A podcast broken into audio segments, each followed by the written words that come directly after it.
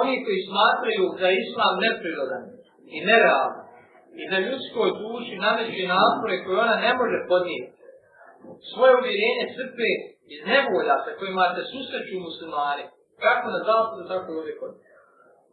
Kažu, ne možete takav islam, ne možete vi to prakticirati, jer to je pretiško, to je nemoguće, to je iznad granica ljudske, ljudske mogućnosti, ljudske duše.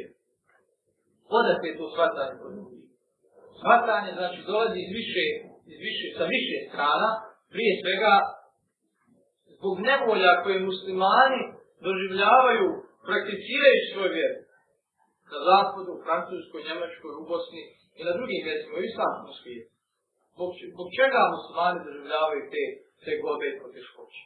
Ne zbog islama što je on, ovaj, što je on tjera, što njegove propisi nisu u okvirima ljudskih mogućnosti, nego zbog toga što muslimani uglavnom ne žive u ambijentu koje bi trebali da žive, koji je predviđen za, za islam. Znači, Allah je predvidio jedno islamsko društvo, da se u njemu prakticira islam, da se živi islam. Ako nema takvog društva, da ne može živjeti, ne može se oskudno obući na sebe u polu. Ili se ovaj, obući zimski na, ovaj, na južnom polu, u Đakovi, u Kavice i Kapu i tako. Znači, taj ambijent koji Allah predvidio za vjeru islam, to mora biti jedno muslimansko društvo, koje će sa svim svojim znači, zakonima i snagama koje vladaju tom društvom omogućiti muslimanu da normalno živi, da normalno diše, ne da se guši sa islamom. E odakle, odakle, odakle dolazi, znači, ta poteškoća koju muslimani ovaj, nalaze i prakticiraju vjeru. To je s jedne strane. S druge strane,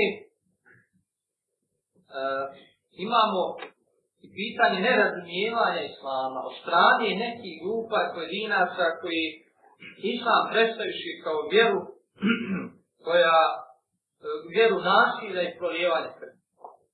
Vjeru nasilja i prolijevanja krvi. To je jedan drugi razlog zašto oni mnogi smatraju da je islam težak da se ne može prekućivati. Zato što je islam predstavljen kao, kao vjera nasilja, vjera u kojoj treba ljudi ubijati, to je vjera koja preporučuje i naređuje svojim sredinicom da ubije i drugi. To nije tačno. To apsolutno nije tačno. Islam, zato uzvišen Allah kaže, Sama je sana kila rahmetele alemi. Mi smo te kao milo svim svjetovima postali, ne određujemo na nama. I kako ima pravo na islam? Treba ga ljudima ponuditi.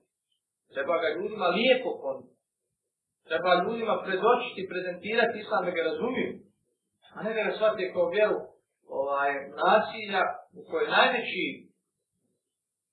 najveći, ovaj, najveći dijelo ubici čovjeka. Znam se da ako dođe neko, da ne govorimo dušmanom islama, dušmanom islama bez obzira kako da prezentiraš vjeru, on je ne boli i on hoće da je uništi.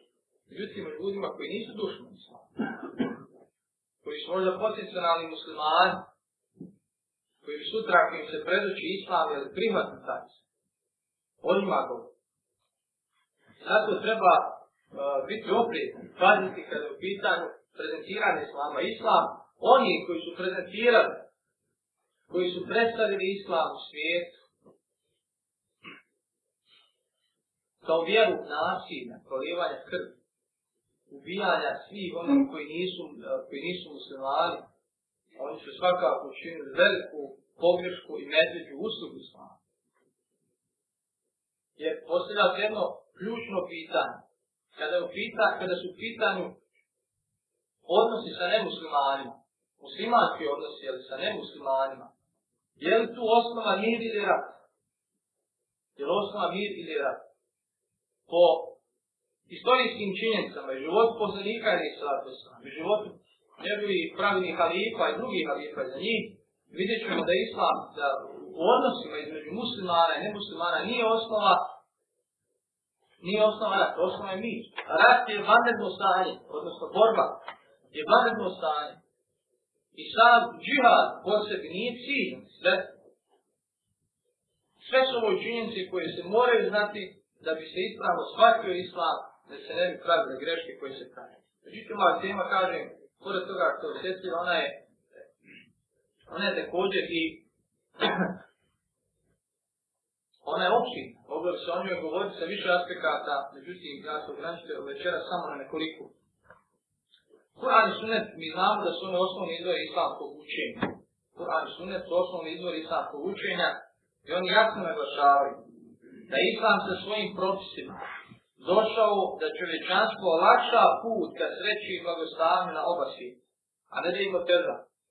Da nam olakša put ka sreći i blagostavnju na ovom i novom svijetu. To je osnovno. Zato uzvišen Allah kaže ko radi dobro djelo, bio muškarac i bio žena, a vjernike, mi ćemo dati da proživi lijep život, a ja sam faljim na ovom svijetu.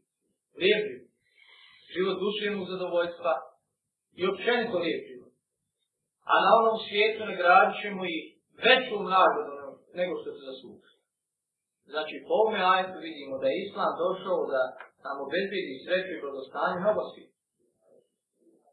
Kaže uzvišen Allah subhanahu wa ta'ala, Allah nikoga ne opterećuje preko njegove mogućnosti.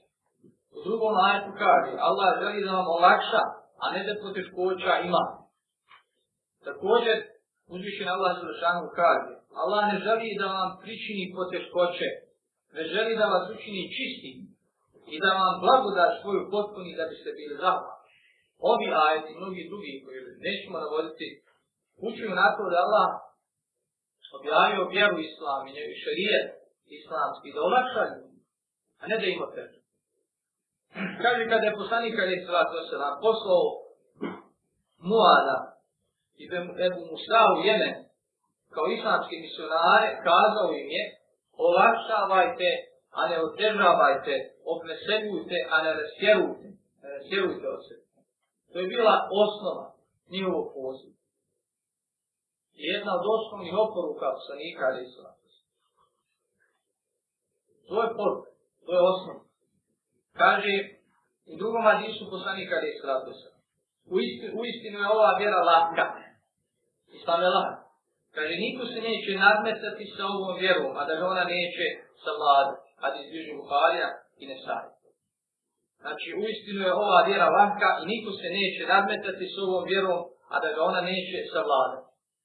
Kako protumašiti ovaj hadis? Svako onaj ko bude zbog nerazumijevanja vjeri, zbog svoga neznanja i nerazumijevanja vjeri, nametao u sebi određene stvari koje mu sama vjera ne nadmećuje i zbog toga se ne razumije vjeru, njega će vjera savladati, jer se on uhvati u koštac, da su hrvali sve, njega će vjera slomiti savladati. I takvih primjera imamo dosta i u našem okruženju, u našoj sredini.